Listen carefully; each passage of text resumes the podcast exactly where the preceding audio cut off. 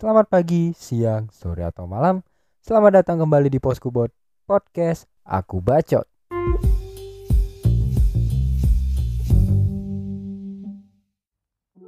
Well, hello, selamat datang pendengar Poskubot. Kembali lagi bersama gue, Adriel di sini sebagai host sekaligus owner. um, ya senang banget gue bisa record lagi teman-teman setelah ya beberapa minggu terakhir karena ya sedikit live update ternyata gue bisa melalui permagangan ini. Ya jadi selama enam bulan kemarin gue lagi magang uh, di sebuah instansi di Yogyakarta. Dan di situ ya gimana ya untuk mendeskripsikannya lumayan nano-nano dan seperti roller coaster gitu di mana kadang naik kadang turun kadang juga terseok-seok. Cuman ya di situ gue senang banget sih punya kesempatan bisa ada di situ dan gue banyak belajar sesuatu sih dari situ. Mulai dari kayak gue harus bertanggung jawab sama diri gue orang lain dan juga lingkungan sekitar itu yang ya menurut gue ini nggak bisa kita pelajari di kampus ya. Dan di sini gue senang banget bisa ketemu keluarga kecil sesaat tapi penuh cerita. Karena gue nggak bisa jamin gue bisa dapat hal ini di luar gitu di tempat lain. Karena ya ya selain gue belajar tanggung jawab gue juga belajar kayak di karir terutama atau kerjaan tuh persaingan karir tuh sangat sangat bikin mind blowing ya. Kayak wah ternyata segitunya ya. Terus juga gue juga belajar gimana caranya gue saving yourself gitu. Kayak gimana caranya gue menyelamatin diri gue sendiri. Karena ya namanya manusia namanya kita bekerja dengan manusia banyak ya ada yang yang menjatuhkan ada yang ingin support dan lain sebagainya. Jadi kayak gue harus bisa ya setidaknya gue survive dengan diri gue sendiri gitu. Dan ya ngomongin soal karir nih ya selama enam bulan gue melihat banyak fenomena let's say kayak gimana uh, sebuah lingkungan kerja terus juga gimana um, pekerjaan itu yang kita kira biasa-biasa aja tapi ternyata bisa sememakan mental itu ya. Jadi kayak sebenarnya gue ngerasa kalau kerjaan tuh juga mental kita juga diserang gitu. Jadi kayak ya kuat-kuatin mental lah. Dan karena gue juga masih anak magang ya hitungannya jadi gue kayak lebih mengamati perilaku anak magang nih. Karena ternyata um, perilaku anak magang nih kalau kita telusuri itu unik-unik gitu. Jadi ada aja hal-hal yang menurut gue kadang baik kadang enggak. Dan di sini gue menyoroti beberapa hal yang kayaknya ya uh, ini akan dialami ataupun kalian akan menemui eh, sifat-sifat uh, anak magang yang kayak begini nih. Ya meskipun ya nggak semua kayak begini tapi ya pasti adalah yang begini. Dan ini menurut gua adalah um, kelakuan yang harus kita hindari sih karena ini akan berdampak banget terhadap ya kalau nggak kehidupan ya pekerjaan kita dan kalau kasus gua kemarin uh, kantor itu kedatangan 26 mahasiswa magang jadi kayak ya cukup rame dan cukup complicated so mungkin sebelum bacot lebih lanjut kita langsung fokus ya. Jadi uh, ini adalah lima kelakuan anak magang di awal magang berdasarkan pengalaman pribadi gua dan mungkin ini akan relate uh, sama beberapa dari kalian. So, yang pertama, uh, ya namanya anak magang ya. Jadi mereka tuh hari-hari pertama akan berusaha beradaptasi dan cara beradaptasi ya dengan mengenal lingkungan gitu. Tapi ya cara orang mengenal lingkungan macam-macam dan menurut gue ini adalah cara yang menurut gue agak gimana ya um, kalau bisa nggak usah deh gitu karena ini cara yang paling jelek lah menurut gue jadi kayak anak magang biasanya juga awal-awal tuh berusaha kenal semua orang terus juga mereka ingin cepet-cepet settle di tempat itu. Dan biasanya mereka melakukan itu dengan cari muka dan menjilat. Ya sorry to say uh, meskipun banyak cara lain tapi ya cara-cara seperti ini masih sering dilakuin. Kayak mereka tuh bakal ramah ke semua orang terus juga mereka tuh memasang apa ya kepribadian yang kayak oh baik orangnya sopan itu di awal-awal pasti pada begitu. Meskipun ya nggak semuanya orang seperti itu cuman ada aja lu pasti punya satu dua orang yang akan ngelakuin ini. Terus selanjutnya ya mereka juga bakal ngebet banget kenalan sama orang-orang penting kayak misal staff terus juga direksi mungkin atau mungkin uh, kadif lu. Jadi kayak um, orang-orang ini akan semangat banget kalau punya kesempatan kenal dengan orang-orang penting. Ya gue tau lah dan kalian juga tahu kenapa mereka melakukan hal tersebut. Ya menurut gue kalau bisa sih cara lu beradaptasi itu dengan lu bisa mengenal lingkungan lu dan lu bisa mengenal orang-orangnya perlahan aja gitu nggak yang langsung lu harus kenalan sama semua orang terus juga lu berusaha kayak jadi apa ya anak orang penting lah di kantor. Jadi kayak nggak usah karena ya bakal ketahuan gitu cuman ya biasanya anak magang juga begini sih meskipun nggak semua karena ya namanya magang itu uh, kita juga beranggapan itu adalah ajang di mana kita bisa berinvestasi di situ. Jadi kayak kalau kita udah dikenal baik di situ, kita bisa balik lagi ke situ. Cuman ya mungkin caranya lumayan wow. so next uh, yang kedua adalah anak magang biasanya tuh nge-rebranding diri yang nggak sesuai realita. Ya kita semua tahu kalau branding itu adalah hal yang paling penting ya. Kayak kita menunjukkan citra baik kita kita menunjukkan kepada orang banyak yang tujuannya adalah ya namanya branding pemasaran you know. So ya itu branding juga gue nggak apa ya nggak mau mungkiri juga hal yang penting gitu. Karena gimana orang mau tahu kita baik kalau kita nggak menunjukkan sisi kita yang baik? Cuman uh, branding dirinya itu gimana ya? Sedikit berlebihan menurut gue kayak ya you know kayak tipe-tipe orang yang cerita sana sini ke semua orang kantor tapi ya kerjaan nol gitu. Kayak ya gimana ya orang ini biasanya tuh suka ngobrol kelebihan mereka ini bisa ini bisa itu dapat pencapaian gede. Yang sebenarnya itu biasa aja tapi ya you know dipoles dengan kalimat-kalimat wow yang seakan-akan lu adalah orang yang paling berprestasi gitu. Ya teman lu pasti tahu orang-orang kayak begini tuh ya cuman bluffy aja kayak ya mereka nyeritain hal-hal yang sebenarnya B aja cuman mereka poles agar terlihat baik di mata atasan dan ya you know orang akan berpikir dia adalah orang yang paling capable meskipun sebenarnya ya ah begitulah. Dan juga orang-orang kayak gini tuh kadang juga bikin snapgram atau SG kalau orang-orang sekarang bilang ya lagi kerja gitu working gitu biar ya dia dari luar terlihat wih anak nih produktif banget nih anak nih uh, capable banget dan bisa diandelin nih di kantornya. Ya biasanya hal-hal seperti itulah. Dan ini juga lumayan sering terjadi teman-teman. So kita berlanjut ke nomor tiga di mana biasanya anak magang di awal-awal tuh akan berusaha terlihat multitasking.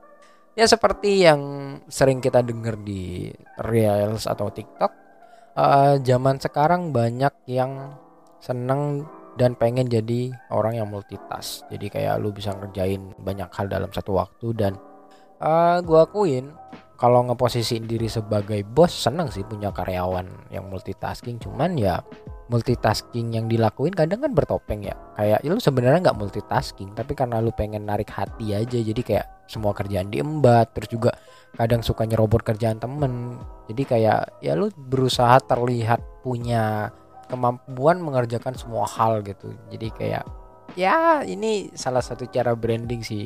Cuman ya kalau gue pribadi nggak setuju sih karena ya buat apa lu berpura-pura capable tapi lu sebenarnya nggak tahu gimana caranya ngeberesin itu sih. Dan selanjutnya ini juga uh, nyambung soal multitasking.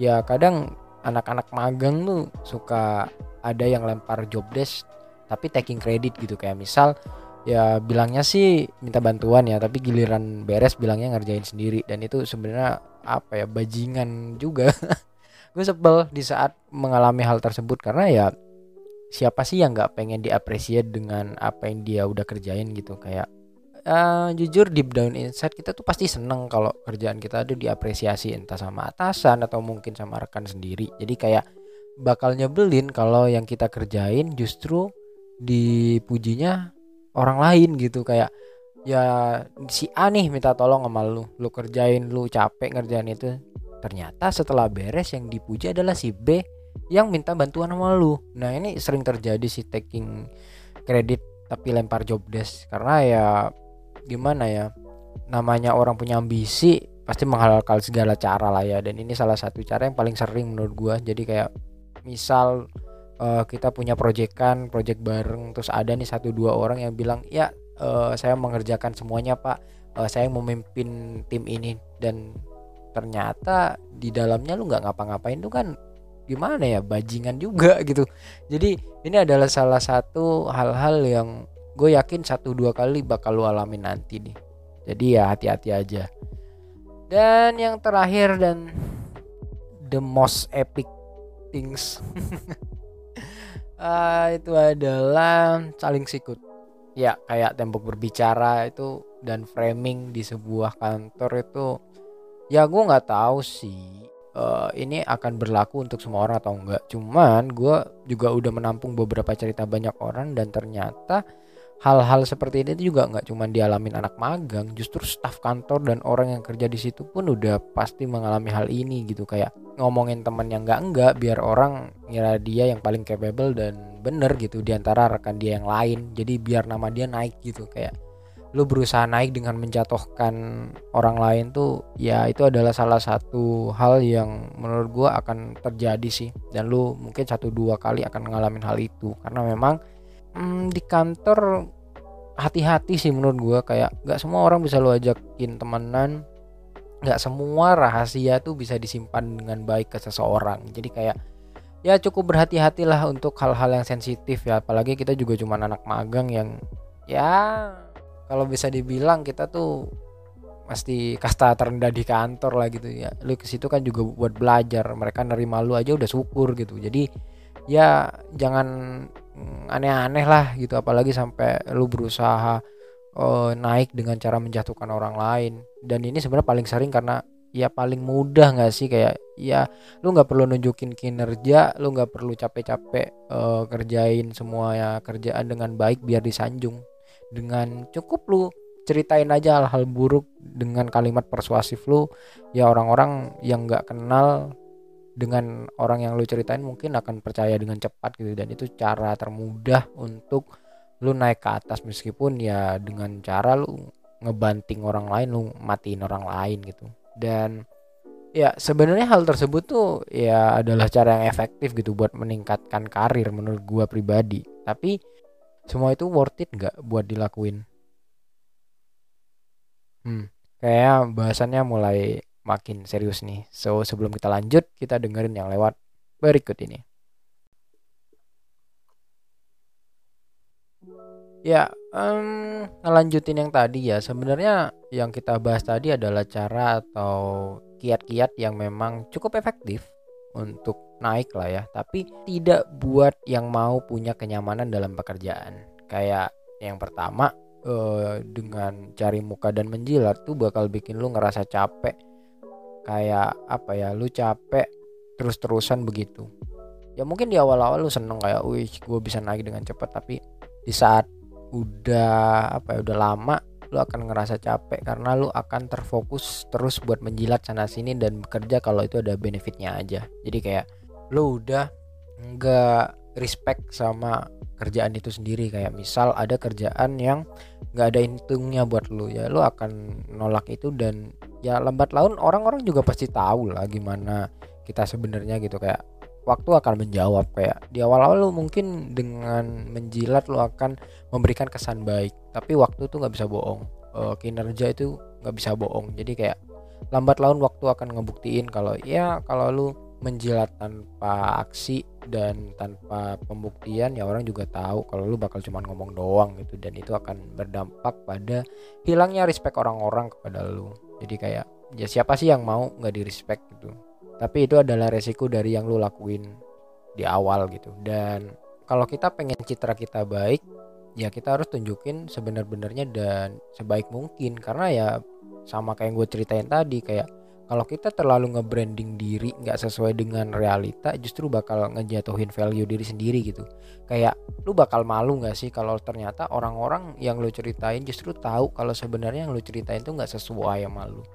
Kan pasti jadi omongan di kantor kayak di anjir ngakunya begini tapi ternyata begini. Kan malu gitu itu kan bikin value diri lu tuh bakal jatuh dan ya lu nggak akan di respect sama orang. Jadi stop lah uh, nge-rebranding diri sendiri yang seolah-olah lu adalah manusia paling capable dan paling keren dan paling cocok lah buat uh, orang-orang di situ. Jadi kayak no it's it's a big no. Karena ya mau gimana pun orang-orang apalagi lu punya temen ya yang udah tahu lu dan minimal sekampus lama lu mereka pasti udah bisa tahu lu lagi ngomongin hal yang benar atau enggak. Dan ya akan lucu di saat lambat laun satu dua tiga hal yang lu ceritain ternyata memang tidak seperti yang lu ceritain di awal.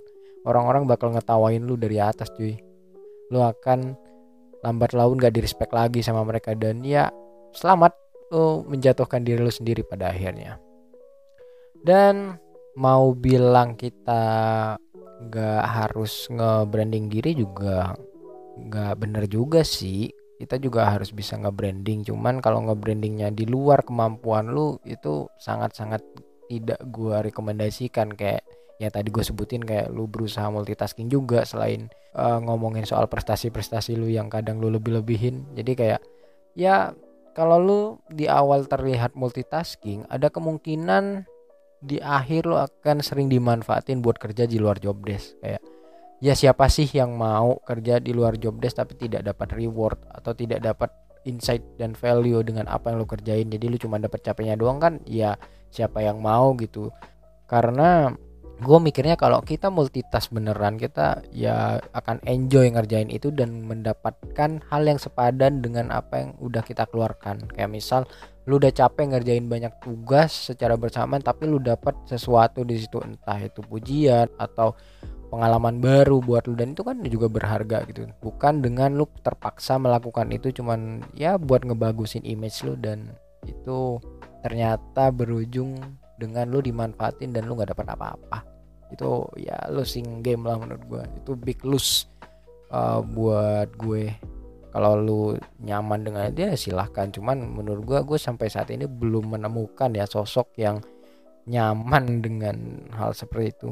Dan ya um, sebenarnya bisa sih lu terlihat multitask tanpa capek ya dengan lemparin job desk dan taking credit yang gue sama kayak gue sebutin tadi. Cuman ya ya setelah beres itu lu bakal merasa kayak lu nggak dapet apa-apa dari atasan dan lu juga kehilangan banyak orang. Ya siapa sih yang mau temenan sama orang yang kayak begitu? Kayak lu udah ngelempar job desk terus juga taking credit itu kayak lu ngebunuh orang dua kali. Gue paling sebel orang-orang seperti itu kayak ya lu datang dengan minta tolong tapi lu setelah beres lu lupa sama mereka dan bilang itu semua hasil kerja keras lu kan kayak lu nyolong hasil kerjaan mereka aja gitu. Dan ya kalau atasan lu nggak percaya nggak apa-apa sih. Tapi kan seringnya percaya gitu. Dan itu menurut gue itu the next level of zolim sih. Ya jangan pernah lah uh, lemparin job desk ataupun taking credit karena you don't deserve that gitu. Ya gue percaya apa pun yang dimulai dari hal yang buruk akan berakhir buruk sih. Meskipun memang awal-awal terlihat menjanjikan dan sukses. Cuman ya percayalah long termnya juga ya akan baik. Karena memang ya ini akan dialami sama anak-anak magang sih. Meskipun gak semua akan mengalami ini cuman karena hubungannya tentang kerjaan gue rasa ya namanya kerjaan orang pengen memperjuangkan diri sendiri kadang juga lupa sama lingkungan sekitar. Jadi ya ya dengan lu saling sikut dan framing memang uh, apa ya akan bikin lu seolah-olah jadi karyawan teladan. Tapi ya itu lu bakal dibenci teman dan lingkungan gitu. Kayak ya ya lu nggak mau kan beres dari sini lu nggak punya siapa-siapa.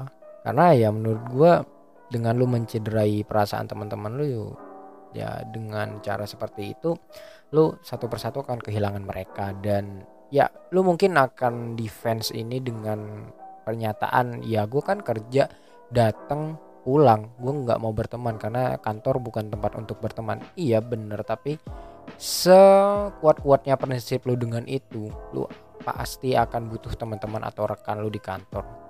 Se-capable capable-nya lu, se-multitaskingnya lu, lu pasti butuh orang lain. Dan lu pasti butuh orang lain. Dan ya kalau lu nggak bisa jaga itu lu bakal berakhir ya lu nggak punya siapa-siapa gitu. Dan lu akan kesusahan sendiri. So ya selamat menikmati kalau lo emang udah di fase itu karena kesalahan lu sendiri. Jadi ya gue juga nggak bisa nggak bisa bantu banyak. Ya percepat tobat lah. Jadi ya ya menurut gue harus apa lu belajar untuk naik dengan cara-cara yang benar lah